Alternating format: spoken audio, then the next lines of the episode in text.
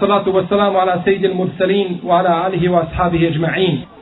Draga moja braćo, najveći dar uzvišenog Allaha te barake wa ta'ala njegovim robovima jeste to što ih je uputio na pravi put i da vjeruju u Allahu u Đelešanuhu odredbu ono što im je odredio jer znaju da stvari na ovome dunjaluku teku kao što je rekao naš gospodar uzvišeni Tebarak je o Teala i mi smo sve stvorili na ovome svijetu sa kaderom. Određeno je sve prije nego što je čovjek stvoren. Zato pravi vjernik mu'min zna da ono što se desi, da se je to desilo Allahovom dželešanu voljom i njegovim određenjem i da nije moglo ga mimo ići ono što ga je snašlo, a da ga nije moglo snaći i nije ga moglo pogoditi ono što ga je mimo išlo. Takav je vjernik, takav je mu'min. Pa kada ga snađe neko dobro, onda zahvali svome gospodaru Tebarak je Oteala na tom dobru.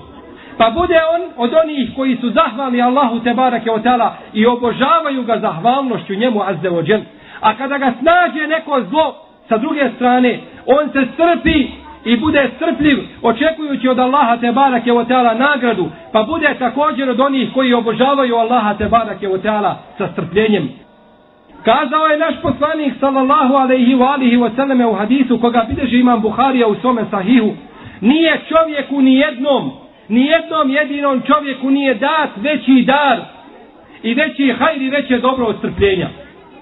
Nema većeg hajra i većeg dobra koga je Allah Đelešanu dao čovjeku od strpljenja. Zato je Abdullah ibn Mas'ud govorio kako bilježi imam Tabarani sa ispravnim lancem prenosilaca sabur i strpljenje je pola imana. Sabur i strpljenje je pola imana. Pola imana i neki prenosioci ovoga hadisa kažu da su to poslanikove sallallahu alaihi wa sallam riječi, ali ispravno je da je to kazao Abdullah ibn Mas'ud. Sabr i iskušenje sabr i iskušenje su dvije neminovnosti. Iskušenja će se dešavati, braćo. A neophodno je čovjeku da bude saburli i da sabura na iskušenjima. Jer je iskušavanje robova Allahov te barake od tala sunnet na ovoj zemlji. Ne može biti bez iskušenja nikako. Ne može proći ovaj dunjaluk bez iskušenja. Neminovna su iskušenja. A hikmet i mudrost iskušenja vidimo u riječima poslanika sallallahu alejhi ve selleme kada je rekao najviše iskušavani bivaju poslanici potom oni koji ih slijede potom oni koji ih slijede u svom imanu biva čovjek iskušavan shodno stepenu shodno stepenu i deređi svoga imana. Pa što god njegov iman biva veći i iskušenja bivaju veća. A što njegov iman biva manji i slabiji toliko mu iskušenja bivaju manja. I Allah te barek je teala će iskušavati čovjeka iskušenjima sve dok ne bude hodio po zemlji, a da nema ni jednog jedinog grijeha. Da hodi po zemlji, a da nema ni jednog jedinog grijeha, znači kao melek. Kazao je poslanik sallallahu alejhi ve selleme u hadisu koga bilježi imam Buharija i Malik u svome dijelu Muwatta. Ako Allah želešanu poželi nekome čovjeku dobro, onda ga iskuša učini Allah dželešanu da taj čovjek bude pogođen sa belajima i musibetima. Da bude iskušan sa belajima i musibetima. To se dešava onda kada uzvišeni Allah te barake od tala hoće svome robu, kada mu hoće dobro. U drugoj predaji stoji da je poslanik sallallahu alaihi wa sallam rekao kada Allah Đelešanu zavoli jedan narod iskušaji, znači iskušenja su dokaz da uzvišeni Allah te barake od tala voli jedne ljude. Pogledajte samo hadis koga je zabilježio imam Ebu Jala ibn Hibban u svome sahihu sa ispravnim lancem prenosilaca. Kaže poslanik sallallahu alaihi wa sallame, doći će čovjek na sudnji dan i naći će na sudnjem danu velike stepene i deleže kod Allaha te barake u ta'ala. A nikada te stepene ne bi dostigao dijelima koja čini. Dijelima koja čini nikada te stepene ne bi dostigao. I Allah te barake u teala će ga iskušavati na dunjaluku sa onim što mrzi sve dok mu ne dadne te stepene. Iskušavat će ga s onim što mrzi sve dok mu ne dadne te stepene. Zar nije uzvišen Allah te barek je od rekao u asa en tekrahu šejen wahuwa hajrun lekum u asa en tuhibbu šejen wahuwa šarrun lekum wallahu ja'lemu wa entum la ta'lemun. U istinu vi ponekad mrzite neku stvar, a ona je vama dobra.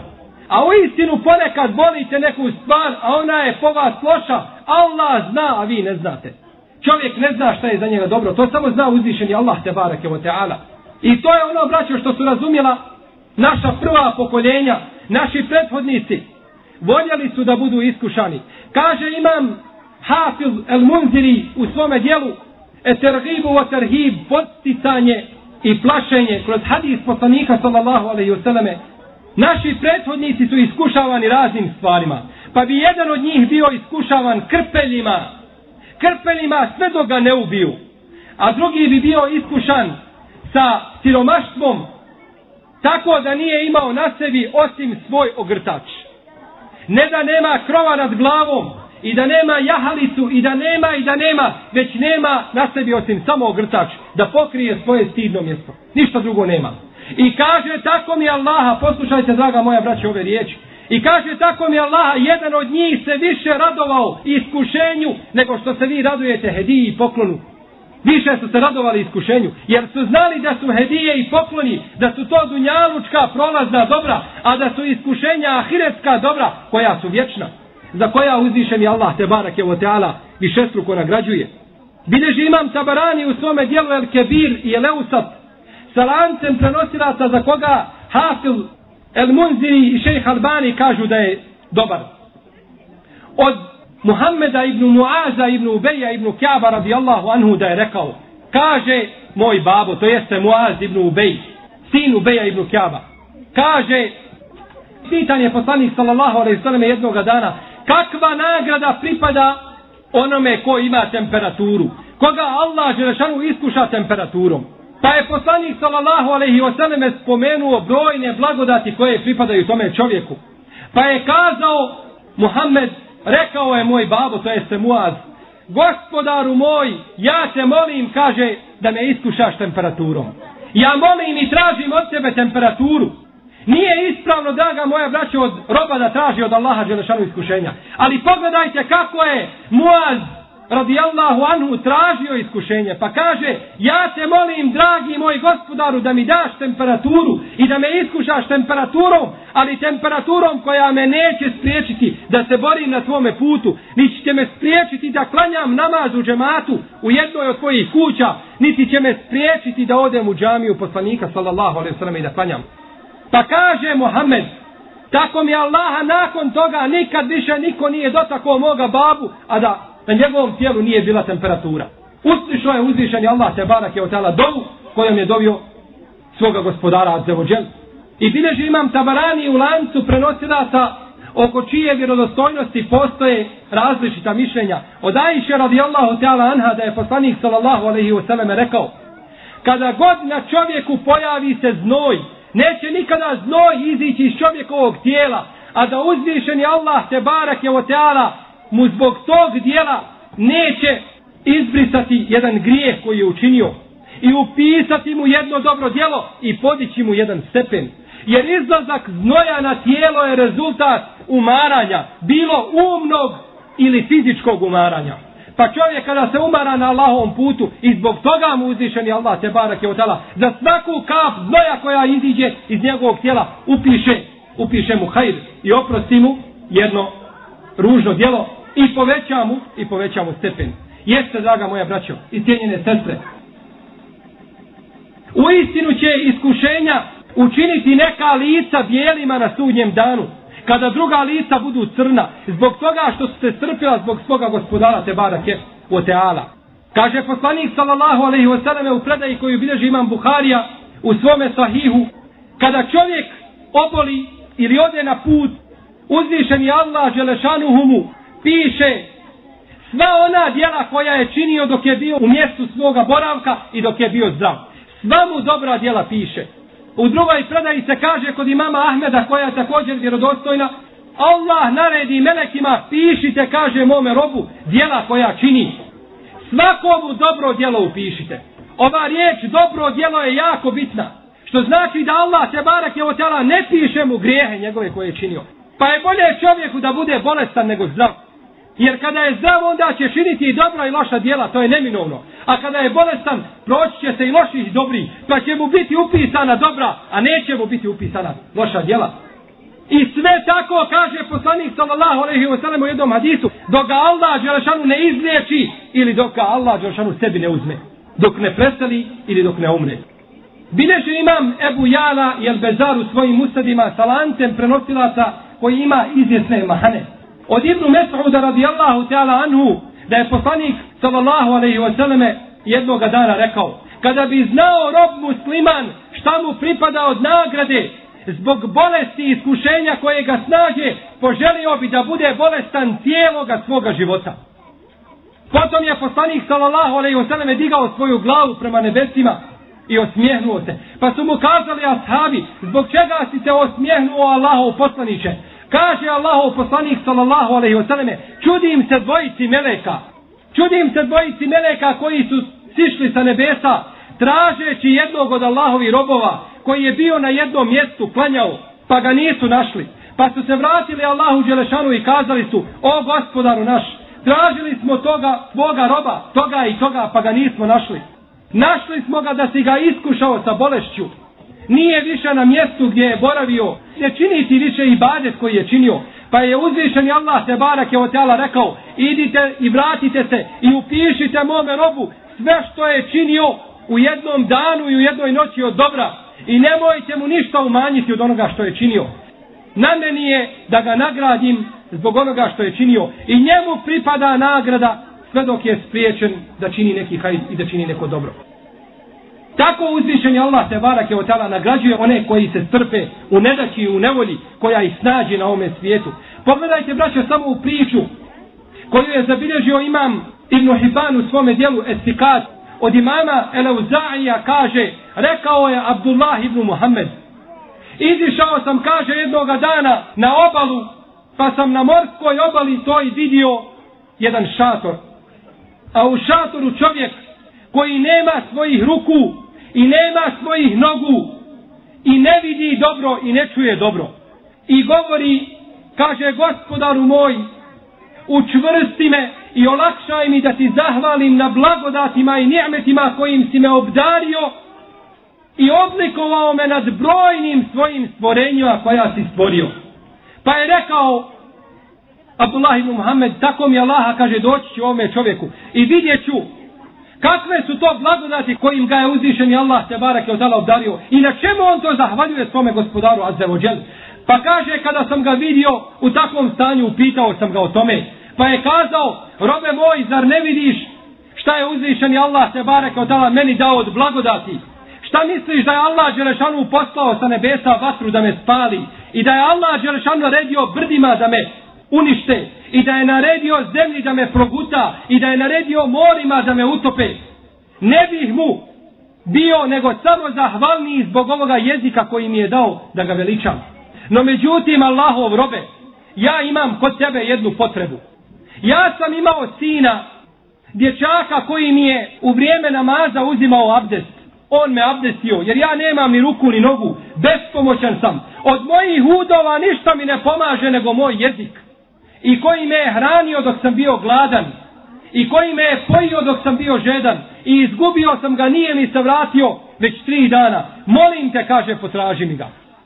Kaže Abdullah ibn Muhammed, pa sam rekao, tako mi Allaha, nikada nije mu'min, vjernik čovjek izišao da koristi svome bratu muslimanu, da je imao veću nagradu od onoga koji će tebi koristiti, zbog hala i stanja u kome se nalaziš. Kaže, pa sam izišao tražiti dječaka. Kaže, samo što sam se odmakao od šatora, vidio sam, kaže, dječaka, da su ga rastrgale divlje zvijeri. Vidio sam samo ostatke od njega. Pa sam rekao, kako da se vratim tome čovjeku? Ja imam nježno i blago, osjetljivo lice i srce. Kako ću se vratiti tome čovjeku i kazati mu istinu? Pa sam se, kaže, sjetio Ejuba, alaihissalam. Čime ga je iskušao uzvišeni Allah, te barake o teala? Pa sam mu rekao, O Allahov robe, jesi li ti bolji kod Allaha Đelešanu ili Ejub Allahov poslanik? Kaže, naravno da je Ejub Allahov poslanik, alaihissalam. Kaže, pa sam mu rekao, zar ga nije Allah Đelešanu iskušao u njegovom imetku, u njegovoj djeci, u njegovom zdravlju? Kaže, jeste. Pa kaže, kako se je ponašao Ejub alaihissalam. Kaže, bio je strpljiv i saburli. E kaže, Allahov robe, traži od Allaha Đelešanu nagradu i strpi se. Tvoga sina su rastrgale divlje zvijeri. Festarđa, znači rekao je, inna lillahi wa inna ilaihi rađi'un.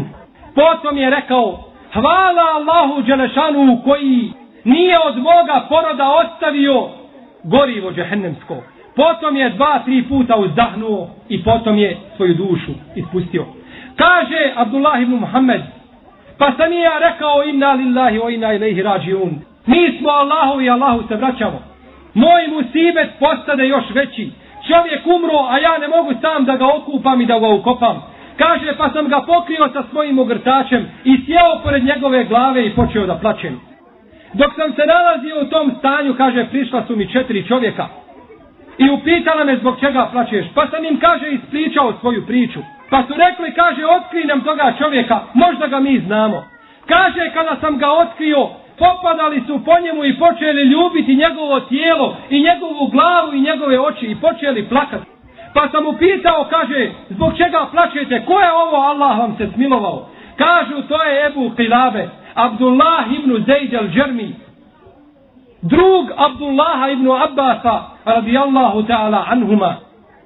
Kaže, volio je Allaha te barake o ta'ala i volio je poslanika sallallahu alaihi wa sallame. Bio je mu teklija pravi mu'min i pravi vjernik. Kaže, pa smo ga okupali, umotali u kefine, dženazu mu klanjali, potom smo ga ukopali. Pa su otišli oni i ja sam otišao. Kaže, kada sam došao svojoj kući uveče, spustio sam malo svoju glavu, to je se zaspao sam. Kaže, pa sam ga vidio u snu. A na njemu kaže dva ogrtača od džennetskih ogrtača. Pa sam ga upitao, odakle je tebi ovo, o Allahov robe? Odakle ti ovi stepeni, odakle ti ove deređe? Pa je kazao, u istinu Allah te barake o teala ima deređe i stepene koje ne mogu dobiti osim ljudi koji se strpe u belajima i u nedaćama kada ih snađu. Koji se strpe u belajima i nedaćama koje ih snađu. I koji su Allahu Đelešanu zahvalni u blagostanju i koji se boje Allaha te barake o teala javno i tajno. Pogledajte kako je uzvišeni Allah te barake o teala nagradio ovoga roba.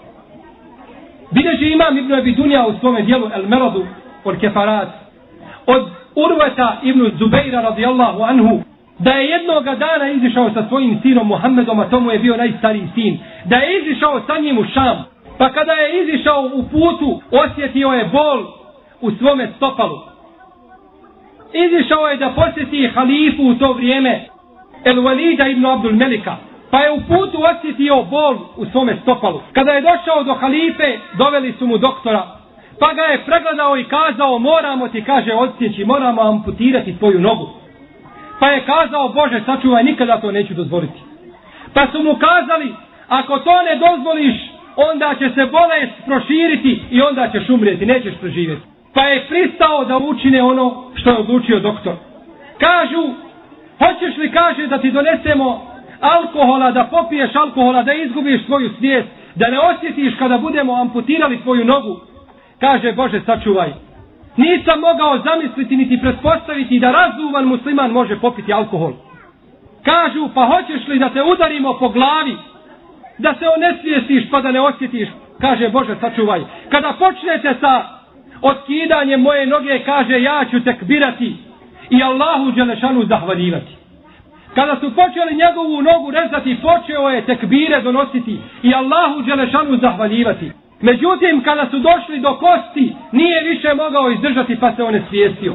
Kada se je probudio, kazao je Lekad laqina min safarina hada nasaba. Kaže, Allahu ekber, jesmo se, kaže, umorili od ovoga našeg puta. Jes nas izmorio ovaj naš put. Pa mu je došao jedan starac i kaže mu, strpi se, o Allahov robe, Allah povećao tvoju nagradu. Kaže, misliš zbog moje noge, ne kaže zbog tvoje noge, zbog tvoga djeteta, zbog tvoga sina Muhammeda. Kaže, a šta je bilo sa mojim sinom? Ne zna Urve Ibn Zubeir šta se desilo sa njegovim sinom. Kaže, tvoj sin je uzjahao jahalicu, pa je pao sa jahalice na glavu i slomio svoj brat i umro je. Pa je kazao, hvala Allahu Đelešanu koji mi je dao četiri moja uda, pa je uzeo jedan dio, jedan ud. I dao mi je četvoricu sinova, pa je uzeo jednog sina. Hvala Allahu Đelešanu na toj blagodati. Kaže, ukopajte ovu moju nogu u ovu zemlju, pa kada ja umrem, onda ukopajte i mene za mojom nogom. Pogledajte, draga moja braćo, kako su nama ashabi i tabijini navodili najljepše primjere o sabru i strpljenju na iskušenjima koja ih nalaze. A svi oni koji su nezahvali svome gospodaru Tebarake o Teala, koji mu nisu zahvali u iskušenjima ili nisu zahvali Allahu Đelešanu i nisu zadovoljni sa Allahom Đelešanu odredbom, čeka poniženje od Allaha Đelešanu na dunjalu koji na ahiretu.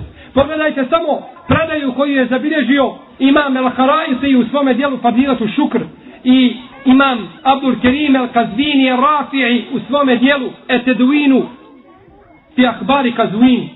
od Abdul Međida ibn Abdul Aziza ibn Abi Rawada kaže bila je žena u naše vrijeme koja je rađala samo žensku djecu.